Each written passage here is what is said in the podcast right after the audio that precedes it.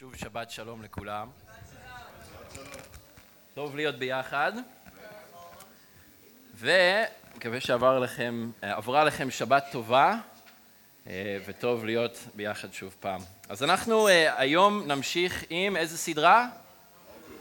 מרקוס, נכון, הנה זה על, ה, על המסך. אה, אנחנו ממשיכים בלימוד שלנו במרקוס, ואם אתם זוכרים, בשבת שעברה למדנו על ה... אה, מוות של יוחנן המטביל. אה, קטע לא פשוט, זוכרים, כן? אה, קטע לא פשוט שדני לימד בצורה ממש טובה, ו- ומשהו שאולי אנחנו לא, לא חושבים עליו או לא זוכרים אותו תמיד, זה שישוע ויוחנן היו בני דודים, והם היו ממש באותו גיל גם, חצי שנה הפרש ביניהם. ולפעמים אני חושב שאנחנו יכולים לחשוב שישוע, הסבל שלו בעיקר התמקד בצלב, וכשהוא הלך אה, לצלב למות עבורנו, אבל, אבל אל העברים אומר לנו שיש לנו כהן גדול שגם מכיר את, ה, את הסבל שלנו, הוא יודע את הניסיונות שלנו ואת הדברים שאנחנו עוברים. ו, ואני חושב שהמוות של יוחנן המטביל היה עוד משהו מאוד קשה שישוע עצמו אה, חווה.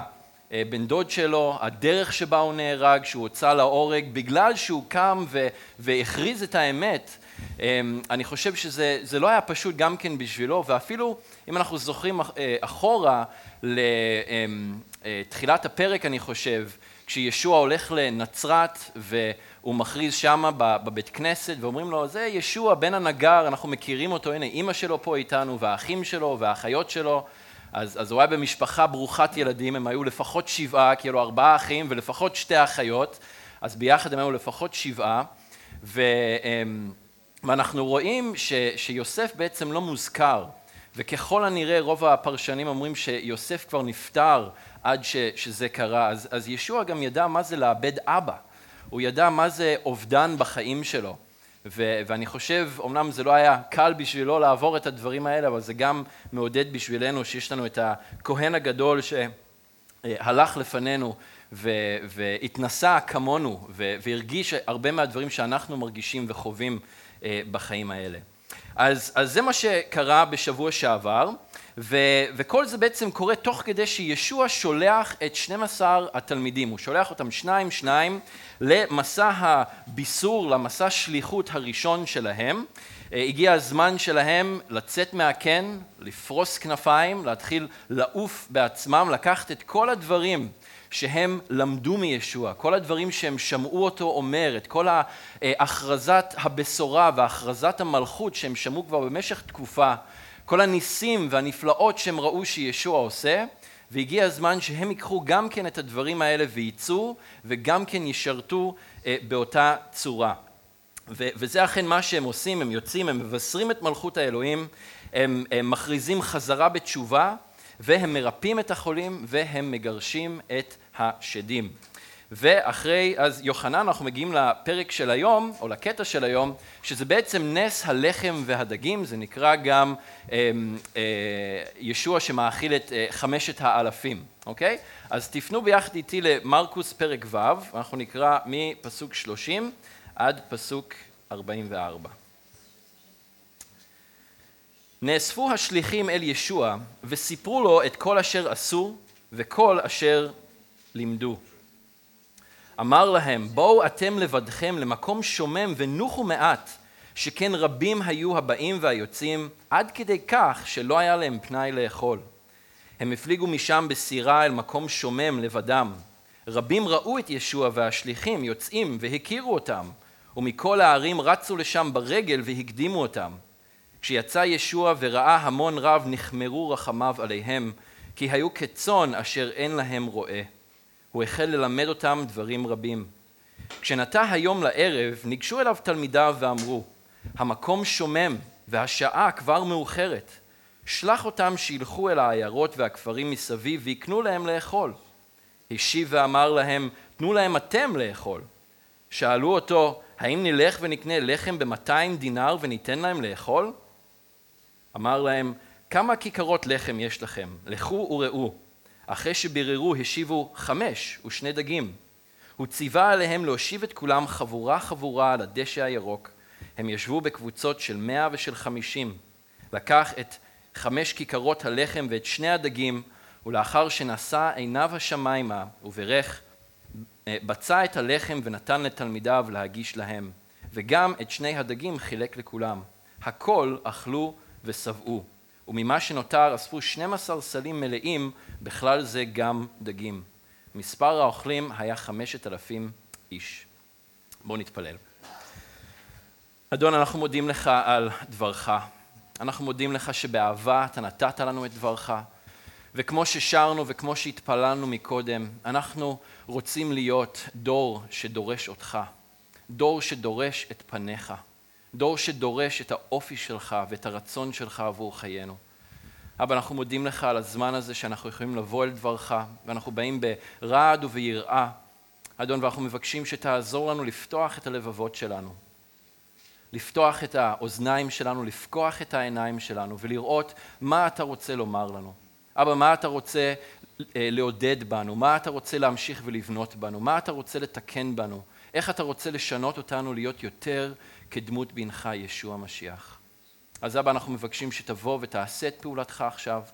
אבא, אני מתפלל שאני אכריז את המילים שלך ואת המילים שלך בלבד, אדון, ושהשם שלך אה, יתכבד ויתפאר בקרבנו גם בזמן הזה עכשיו.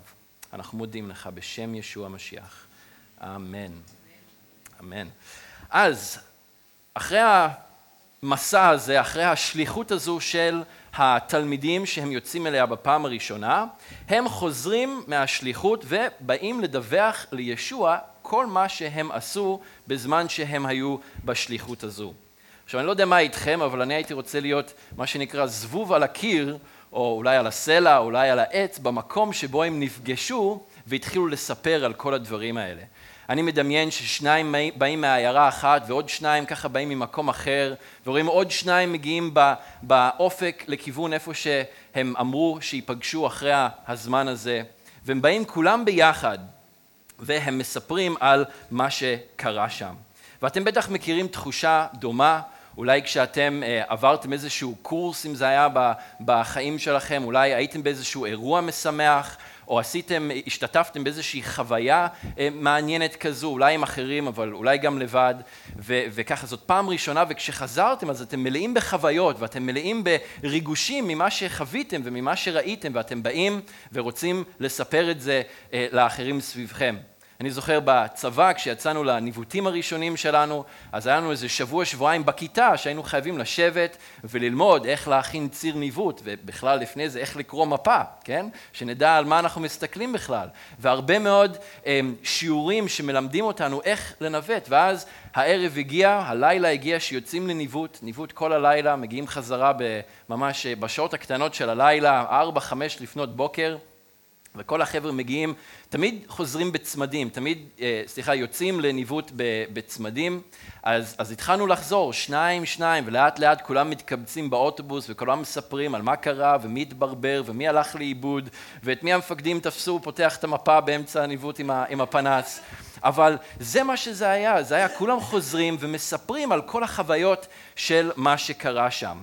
וזה אני חושב היה ככה עם התלמידים, אנחנו רואים את זה בפסוק שלושים, זה בטח היה מאוד תוסס ואני חושב היו מאוד נרגשים אה, לבוא ולספר בפסוק שלושים את כל אשר עשו וכל אשר לימדו. ואחרי המסע הארוך והדורשני הזה, ישוע רוצה לקחת את התלמידים והוא רוצה להוביל אותם למקום שבו הם יכולים לנוח. אין ספק שהזמן הזה היה, כמו שאמרנו, מאוד אה, דורשני. ומאוד אה, עמוס אה, מבחינתם. יוחנן מדגיש שישוע הוא זה שלקח אותם, וזה היה בגלל שרבים היו הבאים והיוצאים בפסוק 31, עד כדי כך שלא היה להם פנאי לאכול. הם היו מאוד מאוד עסוקים כל הזמן, ועד כדי כך שאפילו לא היה להם את הזמן לשבת ולאכול. אז אנחנו שוב לא יודעים בדיוק כמה זמן זה אה, היה, אבל הם היו מאוד מאוד עסוקים. ולא היה להם את הזמן הזה לשבת לאכול, לא היה להם את הזמן לנוח, לא היה להם את הזמן לצבור כוחות, לקחת את האתנחתא מהשירות המאוד אינטנסיבי הזה.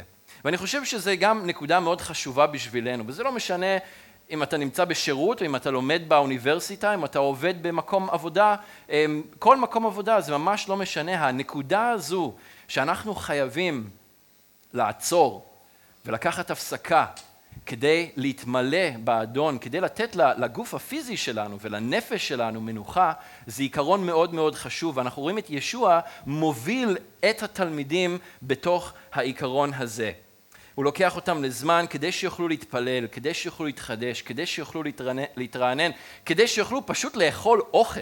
לאכול אוכל טוב, זה גם אחת מהמתנות שאלוהים נתן לנו, וזה משמח ועושה טוב לנפש, אלא אם כן אתם בדיאטה. אז הם יוצאים בסירה, והם מתחילים להפליג לעבר מה שמרקוס קורא מקום שומם. אם אתם זוכרים, המושג הזה, מקום שומם, חוזר כמה פעמים לאורך הבשורה של מרקוס, בפסוק 32, ובעצם המקום שמפליגים אליו זה בעצם בית ציידה. שנמצא בחלק הצפון-מזרחי של הכנרת, אה, זה איפה שהירדן נשפך אל תוך אה, הכנרת, אה, זה איפה שכביש 87 עולה לכיוון נחל יהודיה, אם אתם מכירים, וטיילתם שם באזור, אזור מאוד מאוד יפה, אבל גם היום אזור יחסית שומם ודל מבחינת אוכלוסייה, וככה זה כנראה גם היה בזמן הזה. והמקום הזה, בית ציידה, היה ביתם של רבע מהתלמידים, של שלושה מהם. זה היה מקום מגורם, או מקום הלידה וה, והגדילה כנראה של אה, שמעון קיפה ואח שלו אנדרי, וגם של אה, פיליפוס, ואנחנו נראה שזה משמעותי אה, תכף. ובגלל זה גם כתוב לנו בפסוק 32 שרבים ראו את ישוע והשליחים יוצאים והכירו אותם, בגלל שזה היה המקום שבו הם פעלו. זה היה המקום שממנו הם באו, אוקיי? מתוך כל השליחים, רק אחד, יהודה אישקריות, לא היה מאזור הגליל. כל השאר היו מאזור הגליל, אה, מהכפרים השונים שם, אז הכירו אותם באזור הזה. כפר נחום כמובן היה מקום, אה, החמ"ל של ישוע, אפשר לקרוא לזה ככה, המקום שממנו כל פעם הוא יצא ואליו הוא כל פעם חזר. תודה, דני. אה, אז הכירו אותם באזור הזה. ואנחנו רואים שהם מגיעים לחוף בעצם, וכתוב לנו, הם הגיעו לכל מקום, הם רצו לשם והקדימו אותם ברגל, אז הם בעצם מפליגים מכפר נחום לבית ציידה, הם כנראה מפליגים לאורך החוף הצפוני של הכנרת, והסירות קטנות, לא יוצאים יותר מדי רחוק לתוך המים, אנשים, אה הנה ישוע והתלמידים, לאן הם הולכים? בואו נרוץ על החוף ונגיע ביחד איתם. המרחק הוא לא כזה גדול, ואנשים מתחילים לרוץ, אנשים מתחילים להתכנס, אנשים מתחילים להגיע למקום שבו ישוע והתלמידים מתכוונים לבוא אליו כדי למצוא שקט, כדי למצוא מנוחה, כדי למצוא מקום להתרענן ולהתחדש. עכשיו מספר האנשים שהתקבצו ואכלו, אנחנו רואים בסוף הקטע, בפסוק 44, היה כמה? חמשת אלפים איש. עכשיו שלא נתבלבל, המילה פה ביוונית לאיש זה המילה הנר, שמשמעותו אה, זכר או בעל, ומפה גם מקבלים את השם אנדרי, אוקיי? והשם אנדרי, המשמעות שלו זה, זה גבר או, או לוחם, אוקיי? אז, אז ברור מאוד שהאנשים שהיו כאן, אה, החמשת אלפים היו גברים, כנראה גם כולם נשואים. מתי מאשר את זה? כי הוא כותב בפרק י"ד פסוק 21, מספר האוכלים היה כחמשת אלפים איש מלבד נשים וטף. אז פתאום זה קצת משנה את התמונה, כי אנחנו חושבים חמשת אלפים איש, טוב, מספר גדול, אבל סביר, נכון? אבל כשלוקחים חמשת אלפים ומוסיפים לכל אחד אישה, אנחנו כבר בעשרת אלפים. ומשפחות יהודיות הן לא משפחות קטנות, נכון? הרבה ילדים, תוסיפו, בואו נהיה מתונים, שניים, שלושה, ארבעה ילדים, והנה, בלי כל כך להתאמץ, הגענו ל-20 עד 30 אלף אנשים שמתרכזים במקום הזה, של, שנמצא באזור בית צידה, אה, כשהתלמידים מגיעים לשם עם ישוע כדי למצוא מנוחה.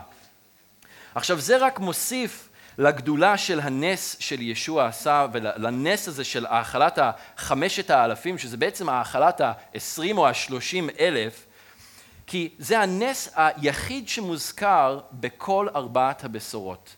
אז יש הרבה ניסים שישוע עשה, חלקם מופיעים בשניים מהבשורות או בשלוש מהבשורות, אבל זה הנס היחיד מלבד התחייה, התקומה של ישוע, שמופיע בכל ארבעת הבשורות.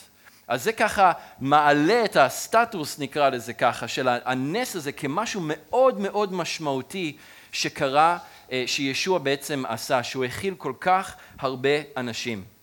אנחנו יכולים לקרוא על זה במקומות השונים, במתי פרק י"ד, במרקוס ו', בלוקאס פרק ט' וביוחנן אה, פרק ו'. אז אם אתם רוצים במהלך השבוע ללכת ולקרוא עוד קצת, אז אלה הפרקים שאתם יכולים אה, להתרכז עליהם. מעבר לזה, זה גם הנס הראשון שישוע עושה בצורה כל כך פומבית. עד עכשיו, אם אתם זוכרים, הרבה מהניסים שישוע עשה אה, היו אולי בתוך בית כנסת, אולי עם כמה עשרות, אולי כמה מאות בודדים של אנשים. אם זה לא היה שם, אז זה היה בתוך בתים של אנשים, זה היה אולי ברחוב, אבל עם, עם מספר אולי קטן יותר של אנשים סביבו. ופה אנחנו רואים שהוא עושה את הנס הזה מול עשרות אלפי אנשים שמתקבצים ביחד ונמצאים שם איתו. וזה בעקבות הנס הזה שאנחנו קוראים ביוחנן פרק ו' פסוקים 14 ו-15 שראו האנשים, כל ה-20-30 אלף, אבל בואו נתרכז בעשרת אלפים מבוגרים, בסדר? העשרת אלפים מבוגרים ראו את האות שישוע עשה ואמרו זה באמת הנביא שבא אל העולם. כשהבחין ישוע שהם עומדים לבוא ולתפוס אותו כדי להמליכו, יצא שוב אל ההר ההוא לבדו. אז הם רואים את מה שישוע עושה, והם מבינים שהוא הנביא שעליו דיבר משה. הנביא. אתם זוכרים איפה?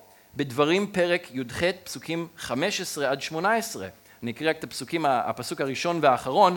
נביא מקרבך, מאחיך, כמוני, יקים לך אדוני אלוהיך, אליו תשמעו. ובפסוק 18, ונתתי דבריי בפיו, ודיבר אליהם את כל אשר אצוונו. כל האנשים האלה שרואים את האות הזה, שרואים את ישוע מאכיל את כל האנשים, הם מבינים, זה הנביא, זה המשיח. מה זה המשיח? זה המלך שלנו, שאלוהים הבטיח לנו לפני כל כך הרבה שנים. אז הם רוצים לתפוס אותו ולהמליך אותו, אבל עוד לא הגיע הזמן. אז ישוע, מה הוא עושה? הוא אחרי היום המאוד ארוך הזה של שירות, הוא עולה להר לבדו כדי להתפלל. ובהמשך הפרק אנחנו, אה, אנחנו רואים שהתלמידים, בהמשך פרק אה, ו' שלנו, אנחנו רואים שהתלמידים חושבים שישוע הוא רוח רפאים שהולך על פני המים. וכתוב בפסוק חמישים, כי כולם ראו אותו ונבהלו, אך הוא דיבר איתם מיד ואמר להם, חזקו, זה אני, אל תפחדו. הוא בא אליהם לתוך הסירה והרוח פסקה. הם השתוממו עד מאוד למה, תשימו לב בפסוק 52, כי לא למדו דבר מעניין כיכרות הלחם בגלל קהות לבבם. הם, הם לא זוכרים מי זה שנמצא שם בקרבם, למרות שהם שאלו והוא כבר אמר להם, והם ראו והם חוו, ורק באותו בוקר הם יצאו, או סליחה, הם חזרו מהשליחות הזו שהם עשו כל כך הרבה דברים בשם של ישוע. אבל הם לא זוכרים שזה המשיח שנמצא שם אה, בקרבם. אפילו בפרק ח' במרקוס, אנחנו עוד נגיע לזה, כשישוע מאכיל את ארבעת האלפים, שהסיטואציה כל כך דומה, זה כמעט העתק של אותו סיפור. הם גם שואלים איך נאכיל את כל האנשים האלה. הם פשוט לא מצליחים לזכור אה, ולהבין אה, אה, מה זה שישוע עושה. עכשיו אני אהיה כנה איתכם, אם אני הייתי בתוך הסירה הזו עם התלמידים ועם ישוע, ואני הייתי אחרי ככה תקופה אינטנסיבית של שירות, ואני יודע שהנה אני, אני הולך עכשיו להגיע לחוף עם ישוע, הולך להיות שקט. ככה. בלי כל הרעש והצלצולים והדרישות של כולם, הולך להיות שקט בחוף של הכנרת, קיפה ילך ויביא לנו כמה דגים, נפתח מנגל, נעשה את הדגים על, על האש, כמו שישוע עשה לתלמידים אחרי שהוא קם לתחייה, ו- ואנחנו הולכים להתפלל ביחד, והוא הולך ללמד אותנו, ואנחנו הולכים למצוא את המרגוע הזה שאנחנו כל כך צריכים. והנה מגיעים לחוף, ולא רואים את האדמה מרוב שיש אנשים. אני הייתי מאוד מתעצבן. אני הייתי ממש ממש מתאכזב. אני הייתי לוקח את הסירה ולא חוזר לכפר נחום, אני הייתי יורד לצמח או לחוף גיא, בצד השני של הכנרת, בחלק הדרומי. אבל תודה לאל שישוע הוא לא כזה. ותודה לאל שישוע רואה את ההמון, וכתוב לנו בפסוק 34, נחמרו רחמיו עליהם, כי הוא כצאן אשר אין להם רועה. ישוע מתמלא ברחמים, אפשר להעביר, תודה. אה, מתמלא ברחמים אה, עבור העם כשהוא רואה אותם. וזה משהו שאנחנו רואים לאורך כל השירות שלו. שוב, אם אנחנו קופצים קדימה להאכלת הארבעת אלפים, ישוע אומר בדיוק את אותם מילים כשהוא רואה את ההמון. בפרק ח' הוא אומר, נחמרו רחמיי על ההמון, כי כבר שלושה ימים הם איתי ואין להם מה לאכול. כל הזמן הרחמים של ישוע, הוא רואה אותם, אה, והשירות שלו בכלל נובע מהרחמים שהוא חווה בשביל האנשים שהוא פוגש. בדיוק כמו רועה שנתקל בכבשים בתוך העדר שלו, והוא רואה אותם כואבים, הוא רואה אותם חולים, הוא רואה אותם אה, רעבים, הוא רואה אותם בצורך לטיפול, והוא נחמרים רחמיו עליהם, הוא רואה אותם והוא רוצה לקחת אותם, והוא רוצה לטפל בהם, והוא רוצה לעזור להם. זו בדיוק התמונה שאנחנו רואים כאן. ו, ופעמים רבות אה, בכתובים אנחנו רואים את התיאור הזה של עם ישראל שהוא כצאן ללא רועה, כן? אנחנו רואים את זה במספר מקומות, לא רק שהוא לא ללא רועה, אלא גם הרבה פעמים יש לו אה, רועים רעים, רועים רשעים, רועים שלא עושים את העבודה שלהם כמו שצריך. בספר במדבר, פרק כ"ז, פסוקים 15 עד 18, אה, בעצם משה כבר מסתכל קדימה ושואל מי ינהיג את העם הזה אחריי? ו- וכתוב לנו, וידבר משה אל אדוני לאמור, יפקוד אדוני אלוהי הרוחות לכל בשר איש על העדה, אשר יצא לפניהם ואשר יבוא לפניהם, ואשר יוציאם ואשר יביאם, ולא תהיה עדת אה, אדוני כצאן אשר אין להם רועה. אז אלוהים תמיד התכוון שיהיה רועה על העם, מישהו שידריך אותם, מישהו שיכווין אותם, מישהו שייקח אותם בדרך.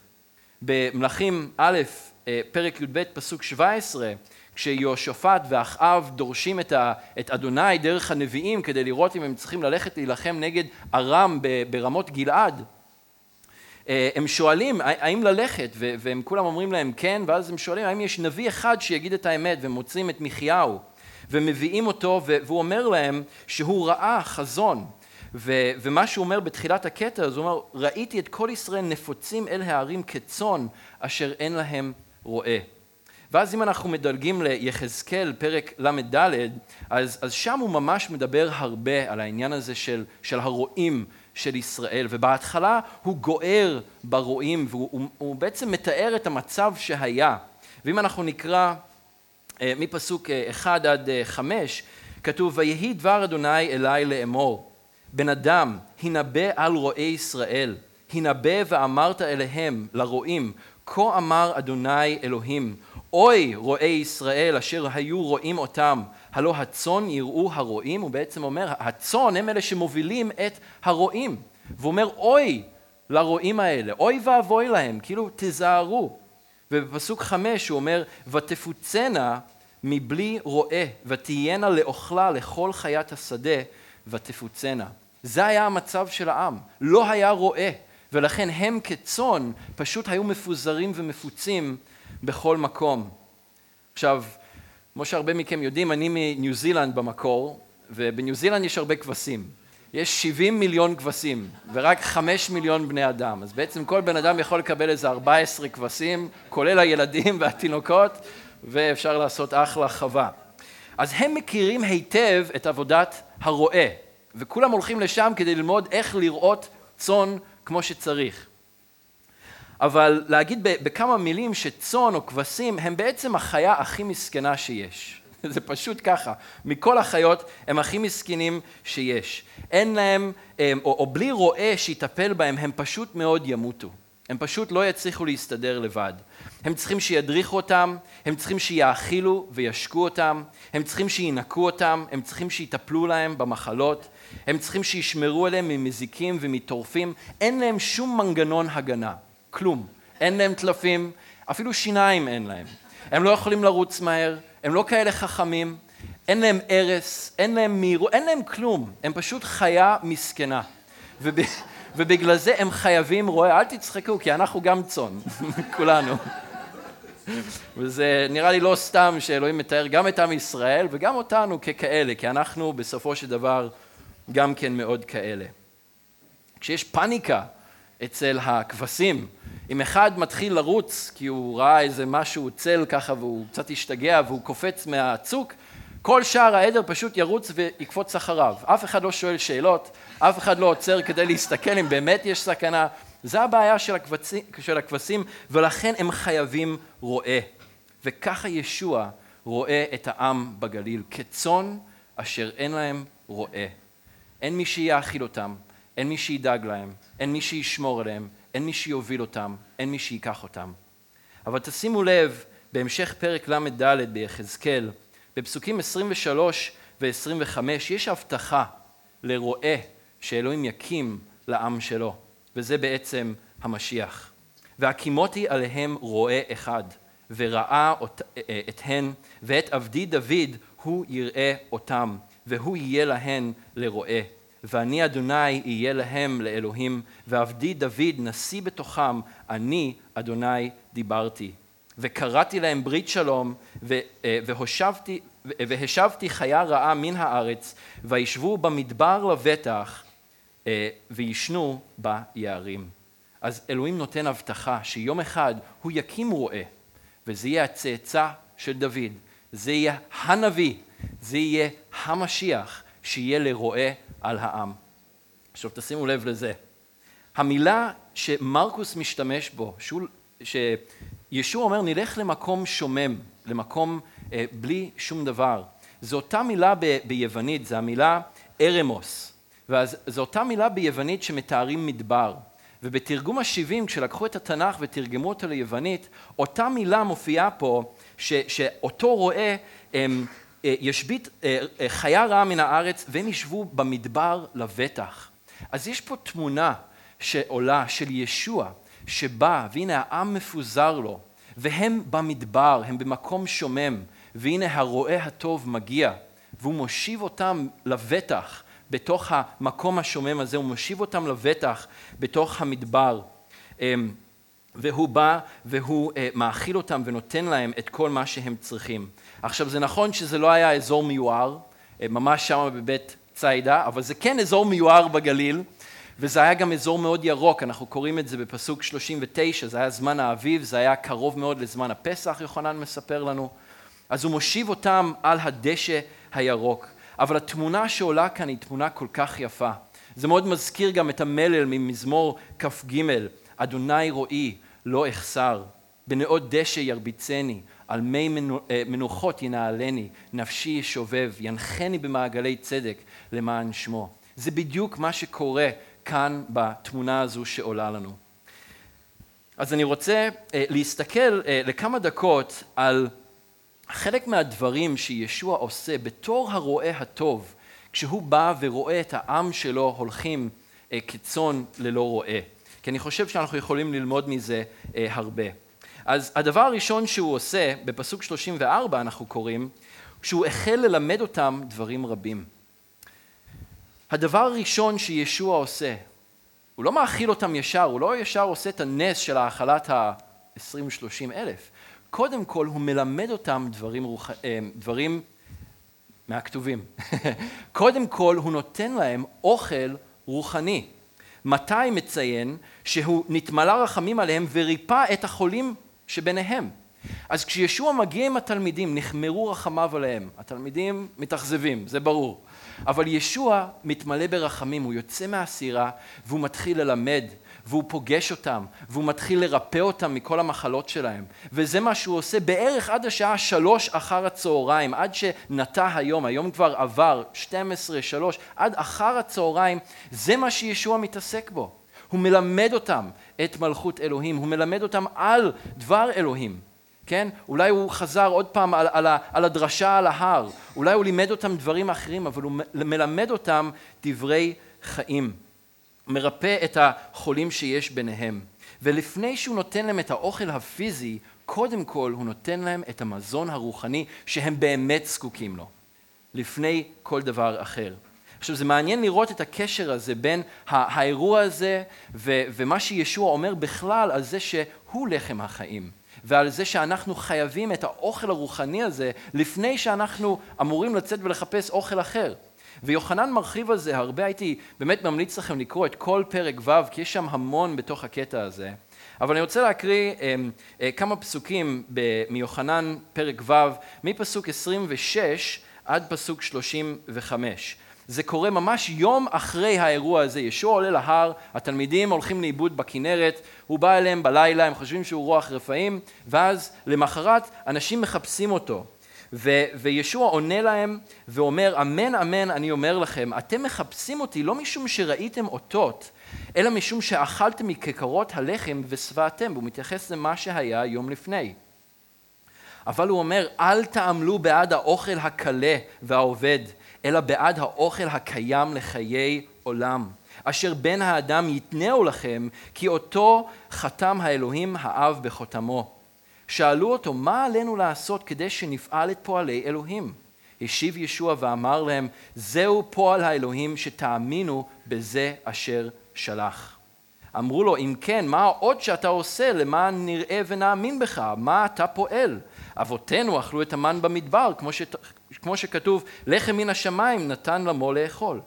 הושיב להם ישוע, אמן אמן, אני אומר לכם, לא משה נתן לכם את הלחם מן השמיים, אלא אבי נותן לכם את הלחם האמיתי מן השמיים. שימו לב לשינוי בתזמון, בשפה פה. לא נתן, אבי נותן לכם את הלחם מהשמיים, ועל מה הוא מדבר? הוא מדבר על הלימוד שלו, הוא מדבר על לחם החיים שהוא מכריז, על מלכות אלוהים שהוא מכריז לעם. פסוק 33, כי לחם האלוהים הוא היורד מן השמיים ונותן חיים לעולם, וזה רק המילים של ישוע, רק המילים של ישוע נותנים חיים לעולם. שער האוכל, הוא נכנס ויוצא. נותן לנו קצת אנרגיה לבינתיים, אבל לא יותר מזה. אמ, חיי עולם באים רק מהמילים של ישוע. אמרו אליו, אדון, תן נא לנו תמיד את הלחם הזה. אמר להם ישוע, אני הוא לחם החיים. כל הבא אליי לא ירעב, והמאמין בי לא יצמא עוד.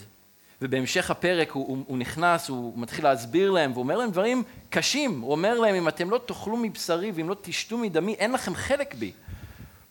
וכתוב שבגלל זה הרבה מהתלמידים עוזבים אותו. ואז הוא פונה לאלה שכן נשארו, והוא אומר, גם אתם רוצים לעזוב אותי? והם פונים אליו בחזרה ואומרים, אדוננו, אל מי נלך? דברי חיי עולם עמך. וזה כל כך נכון. דברי חיי עולם נמצאים אצל ישוע ואצל ישוע בלבד. אז אחרי שהוא נותן להם לחם חיים, אחרי שהוא נותן להם לחם לחיי עולם, אוכל לחיי עולם, הדבר השני שהוא עושה זה שהוא ממשיך לתלמד את התלמידים ומאתגר אותם לדאוג לצאן. הדגש הוא עליהם בפסוק 37, אתם תדאגו להם לאוכל. אז הוא ממשיך להכין את התלמידים והוא ממשיך ללמד אותם ולאתגר אותם, כי היום הולך ומתקרב שבו הם יצטרכו לדאוג לצאן הזה, כי ישוע כבר לא יהיה, הוא יעלה חזרה לשמיים. והם אלה שיצטרכו לדאוג לצאן, הם אלה שיצטרכו לדעת איך להאכיל אותם, גם את המזון הרוחני ואולי גם את המזון הפיזי. אז הוא מאתגר אותם לגבי זה. עכשיו, כמו שראינו, עקום הלמידה של התלמידים הוא לא חד במיוחד, אוקיי? הם, הם כן לומדים, אבל הם שוכחים מאוד מאוד מהר. הם בדיוק חזרו בבוקר מהשליחות, וכבר הם חוזרים לדרכם הישנה, ולספקות ולציניות שלהם. לפי יוחנן אה, ו' חמש, ישוע שואל, או כתוב שהוא מנסה את פיליפוס, שתזכרו שהוא היה יליד של בית ציידה, מאיפה יקנו אוכל כדי שכל האנשים האלה יאכלו. ואז באה התשובה הצינית, האם נלך ונקנה לחם ב-200 דינר כדי שכל האנשים האלה יאכלו? בית ציידה, נזכור, היה כפר די קטן של אולי כמה עשרות או כמה מאות אנשים בסך הכל, לא, לא יותר מזה. והוא היה יחסית מרוחק מיישובים אה, אחרים. אז גם אם היה להם את הכסף, כנראה שהם לא היו יכולים ללכת ולמצוא כפרים אחרים כדי לקנות אוכל בשביל 20 או 30 אלף איש. עכשיו, 200 דינר היה שווה ערך לשמונה חודשי עבודה. אז אם אנחנו מתרגמים את זה לימינו, השכר, התלבטתי אם לקחת את החציוני הממוצע, לקחתי את החציוני שהוא נמוך יותר, הוא 7,030 ש"ח בחודש, ברוטו, אוקיי? שמונה חודשים, לכמה מגיעים? 56,240 ש"ח.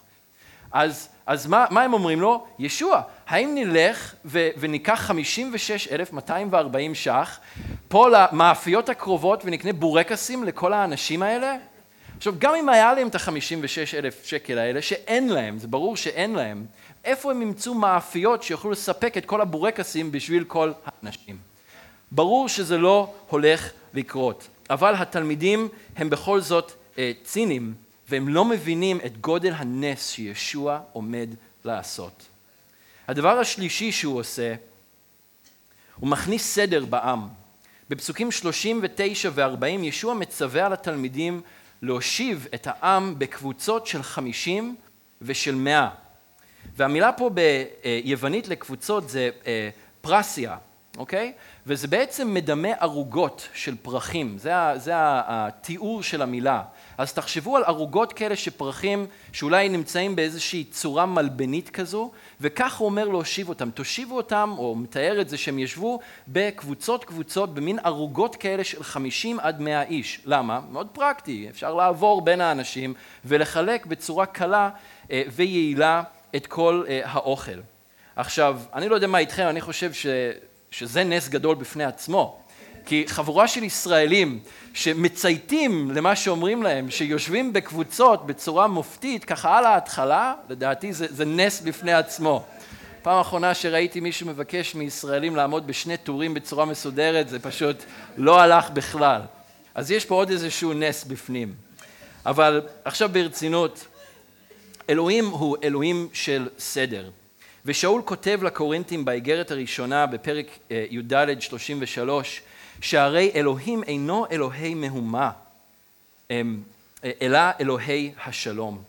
הוא לא אלוהים של מהומה, הוא לא אלוהים של בלגן, הוא אלוהים של שלום ושל שקט ושל שלווה ושל סדר. ו- ואנחנו רואים את זה גם בבריאת העולם, ישוע הוא מביא את הסדר אל תוך התוהו ובוהו. כשהוא נותן את ההנחיות למשכן, הן מאוד מסודרות ומפורטות. זה לא, טוב, תבנו פה איזה משכן. הוא אומר להם בדיוק מה לעשות ואיך לעשות ומתי לעשות, והכל בצורה מאוד מאוד מסודרת ומופתית, כי זה האופי של אלוהים. אחרי זה, גם כשבני ישראל נוסעים במדבר, כשמסתובבים במדבר, הם לא הולכים ככה כל אחד איפה שהוא רוצה, הם הולכים לפי שבטים. והם הולכים בסדר מסוים של שבטים, וכשהם חונים מסביב לאוהל מועד, הם חונים בסדר מסוים, לפי השבטים, כל אחד בצד, מצפון, מדרום, ממזרח וממערב. אלוהים הוא אלוהים של סדר, וישוע בא כרועה טוב, והוא רואה את העם בחוסר סדר, והוא בא והוא מכניס סדר לתוך העם. ואני חושב שאנחנו יכולים להעיד את אותו דבר. אני יכול להעיד לפחות, שלפני שהרועה הטוב נכנס לתוך החיים שלי, החיים שלי גם כן היו בבלגן. אבל הוא בא והוא הכניס סדר לתוך החיים שלי, וזה מה שישוע עושה. הדבר הרביעי שהוא עושה, הוא עובד עם המעט שניתן לו כדי לעשות מזה משהו שאנחנו בכלל לא יכולים לדמיין. אחד הדברים, לדעתי, הכי מעודדים, בשבילי לפחות בקטע הזה, זה לשמוע ולהכיר את האמת הזו. שישוע יכול לקחת כל דבר קטן, כל דבר מצ'וקמק וחסר ערך, ולעשות מזה משהו אדיר. משהו שאנחנו בכלל לא יכולים לחשוב על זה, ולשנות עם זה את העולם. ביוחנן ו', שוב פעם, כתוב שאנדרי, אחי קיפה, שהיה יליד המקום, מצא ילד עם חמישה כיכרות לחם ושני דגים. עכשיו, אני חושב שאולי זה איזה אחיין שלו כזה, הוא תפס אותו מהאוזן ואומר, בוא בוא בוא לפה, תביא את הארוחת צהריים שלך. כיכרות הלחם, כשאנחנו קוראים עליהם, והדגים, זה לא אולי מה שאתם חושבים. הדגים, דני, אם אתה יכול להעביר שקף. שמעו מישהו? אה, אולי זה לא נכנס? עוד אחד? אה, הנה. הדגים לא היו פרידות של שבע, שמונה, עשר קילו, שזה עתה נתפסו בים הכנרת. היה מדובר, אפשר עוד קליק, בדגים מיובשים, רזים, אוקיי? ודי מצומקים. כיכרות הלחם לא היו חלות של שבת, ולא היו בגטים שאנחנו קונים היום במאפיית אריאל, או כל צורת לחם אחרת שאתם אוהבים וחושבים עליו. הלחם שמדובר פה זה, זה לחם שעורה זה לחם שהיה מיובש בכוונה כדי שיוכל להאריך אה, חיי מדף, להאריך זמן. הוא היה בטח קשה, זה היה חתיכות קטנות כאלה, סביר להניח יותר במלל של ימינו, שזה היה צנימים כאלה, או קרקרים אפשר לקרוא לזה, אוקיי? אלה היו כיכרות הלחם של אז. אז עכשיו, אולי זה קצת משנה לכם את התמונה, אבל ישוע לוקח את החמש קרקרים המיובשים האלה ואת שני הדגים המצומקים והיבשים האלה, ועם זה הוא מאכיל עשרים או שלושים אלף אנשים. אבל מה שמעודד פה זה שישוע יכול לקחת משהו כל כך מצומק וכל כך מסכן, והוא יכול לעשות מזה משהו אדיר. ואני לא יודע מה איתכם, אבל לי אין הרבה מה לתת לישוע. והחיים שלי הם די נראים כמו הלחם והדגים האלה, מצומקים וקטנים. אין לנו הרבה מה לתת לו לפי אמות המידה שלו, כולנו באותה סירה בקטע הזה. אין לנו הרבה מה לתת לו, אבל תקשיבו לי, כל עוד שאתם נותנים לו את כל מה שיש לכם, הוא יכול לקחת את זה, והוא יכול לעשות מזה משהו אדיר. הוא יכול לקחת את, ה, את, ה, את השני דגים המסכנים שלנו ואת, ה, ואת החמש כיכרות לחם הקטנים שלנו, והוא יכול להרבות אותם, והוא יכול לעשות משהו אדיר איתם, שיכולים להשפיע על המון המון המון אנשים. הדבר החמישי שהוא עושה, זה שהוא דואג באמת לצרכים הפיזיים שלהם. בפסוק 41, ישוע לוקח את הדגים ואת הלחם שנמצאו בתוך הקהל, והוא לוקח אותם ומחזיק אותם בידיים שלו, הוא מביט שמיימה, הוא מברך את אלוהים, ברוך אתה אדוני אלוהינו מלך העולם, המוציא לחם מן הארץ. אני חושב שזו הברכה שהוא היה מברך.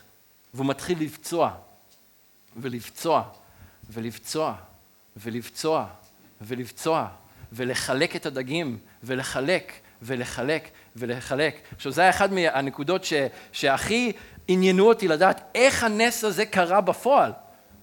ולצערי, אין תשובה חד משמעית בבשורות. אבל אני חושב שמרקוס נותן רמז, כי, כי השפה שהוא משתמש בה בשביל זה שהוא בצע ושהוא חילק את הדגים, זה שהוא פשוט המשיך לבצוע, והוא פשוט המשיך לחלק. אז, אז ישוע יושב שם, או עומד שם, והוא בוצע את הלחם, והוא מחלק את הדגים, והוא פשוט ממשיך לעשות את זה, וזה מתרבה לו בתוך הידיים. והוא נותן את זה לתלמידים, והתלמידים מתחילים לרוץ בין הערוגות של האנשים, ומחלק להם את כל האוכל. אז, אז ישוע בסופו של דבר גם כן נותן להם את האוכל הרוחני שהם uh, צריכים. זה מאוד מזכיר את, ה, את נס צפחת השמן של האלמנה והילד עם uh, אלישע, שזה היה uh, פח הקסם, כד הקסם, שפשוט, זה לא נגמר, אפשר להחזיק אותו הפוך כל היום, והוא פשוט ממשיך לצאת ממנו שמן. זה היה כנראה משהו כזה. וכתוב לנו בפסוק 42 שהוא ממשיך לבצוע ולחלק עד אשר הכל אכלו ושבעו. הרועה הטוב לא נותן לנו ארוחה, הוא לא, הוא לא נותן לנו אוכל שרק מדגדג לנו את הקיבה. הוא לא נותן לנו אוכל שרק מספיק לנו להגיע חזרה הביתה, ואז בבית אנחנו כבר נאכל את הארוחה המלאה והרצינית. הרועה הטוב נותן ארוחה שמשביעה. וישוע המשיך לבצוע והמשיך לחלק את הלחם ואת הדגים עד שכולם שבעו. עד שכולם היו מלאים, והמילה פה ביוונית זה מפותם. מכירים את זה אחרי ארוחה שאתם כזה נשענים אחורה, ואולי צריכים לפתוח איזה כפתור במכנסיים כי אתם מרגישים כל כך מלאים? זה מה שהמילה הזו מתארת, הם היו שבעים, הם היו מלאים לחלוטין בטוב שישוע סיפק להם. ביוחנן אה, ו' 35 קראנו את זה כבר, ישוע אומר, אני לחם החיים. כל הבא אליי לא ירעב, והמאמין בי לא יצמא לעולם. ישוע משביע. ישוע הוא מספיק בשבילנו. אנחנו לא צריכים עוד משהו מלבדו. אבל זה לא נגמר שם. אחרי שכולם אכלו ושבעו, נשארו 12 סלים בפסוק 43. מה זה הסלים האלה ולמה דווקא 12? הסלים האלה הם לא סלים, לא דולבים גדולים כאלה. המילה ביוונית זה, זה κόφινος, שזה בעצם סוג של תיקי נסיעה קטנים, אולי אפשר לקרוא לזה lunchbox, איך אומרים את זה בעברית? כמו תיבות כאלה קטנות לארוחת צהריים שלוקחים אה, איתם uh, בדרך. אז, אז um, בסוף כל האירוע הזה יש 12 קופסאות כאלה של אוכל, סלים קטנים שאפשר לקחת אותם לדרך. למה 12? אחד לכל שליח. אם אתם זוכרים בהתחלה, כל היום הם לא אכלו, והם היו רעבים, הם שירתו, התלמידים, לא היה להם זמן לאכול, ועכשיו הנה כל היום כנראה עבר והם גם לא אכלו. אבל עכשיו הם אכלו ושבעו, וישוע משאיר להם מספיק כדי שיהיה להם גם כן, אולי ליום, יומיים הקרובים, גם כן להמשך הדרך. אז הם רואים ונזכרים שהוא הרועה הטוב, ושהוא מספק להם לא רק את מה שהם צריכים עכשיו, אבל גם את מה שהם יצטרכו בדרך קדימה. ישוע הוא הרועה הטוב, הוא הלחם שירד מן השמיים. ונס הלחם והדגים רק ממחיש ומצביע עליו בתור הנביא, בתור המשיח, בתור הרועה שלנו, זה שמרפא, זה שמספק, זה שלוקח את המעט שיש לנו לתת לו, וכל עוד אנחנו נותנים לו את הכל, את כל מה שיש לנו לתת לו, נותנים לנו, נותנים לו את החיים שלנו, זה מה שנדרש מאיתנו, לתת את החיים שלנו אליו. כל עוד אנחנו עושים את זה, הוא יכול לקחת את זה ולעשות מזה משהו נפלא. כמו שכתוב בראשונה לקורינתים אמ, ב' תשע, שעין לא ראתה ואוזן לא שמעה ולא עלה על לב איש את אשר הכין אדוני ליראיו. אמן? בואו נתפלל. הללויה. אדון, תודה לך שאתה אכן לחם החיים. תודה לך, אדון, שאתה לחם החיים, שאתה ירדת מן השמיים, ואתה באת כדי להשביע אותנו. אתה באת כדי לתת לנו אוכל, כדי שלא נרעב שוב לעולם, וכדי שלא נצמא שוב לעולם. תודה לך, אדון, שאתה גם מספק לנו את המים החיים שאנחנו זקוקים לו. אדון, שבך יש את כל המלוא, שבך יש את כל מה שאנחנו זקוקים לו. אבא, אני מודה לך שאתה רואה טוב. אני מודה לך, אדון ישוע, שאתה הרועה של הקהילה, שאתה הראש של הקהילה. אני מודה לך, אדון, שאתה לא השארת אותנו כצאן שאין להם רועה, אלא, אדון, אתה אספת אותנו. אתה אספת כל אחד ואחת מאיתנו, אתה הכנסת סדר לחיים שלנו. אדון, אתה נתת לנו אה, אוכל שהוא, שהוא אה, מזון לחיים שלנו, אוכל רוחני. אדון, שאתה מוביל אותנו ומדריך אותנו בדרך. אדון, תודה לך שאתה כל כך טוב אלינו. אבא, ואני מתפלל שאתה ת, תביט בנו. אדון, שאתה תראה את המעט שיש לנו לתת לך. אדון, כל אחד ואחת שיושבים כאן היום, את המעט שיש לנו לתת לך. אבא, שאתה תעזור לנו כמו הילד הקטן הזה, לתת לך את כל מה שיש לנו. כמה שזה אולי נראה קטן, כמה שזה אולי נראה לא שווה, כמה שזה נראה מסכן בעיניים שלנו. אבל אבא, לתת לך את זה מכל הלב שלנו. ולראות, אדון, איך אתה פועל בחיינו, לראות איך אתה לוקח את זה ולוקח אותנו למקומות שאנחנו בכלל לא חשבנו שנוכל להגיע אליהם.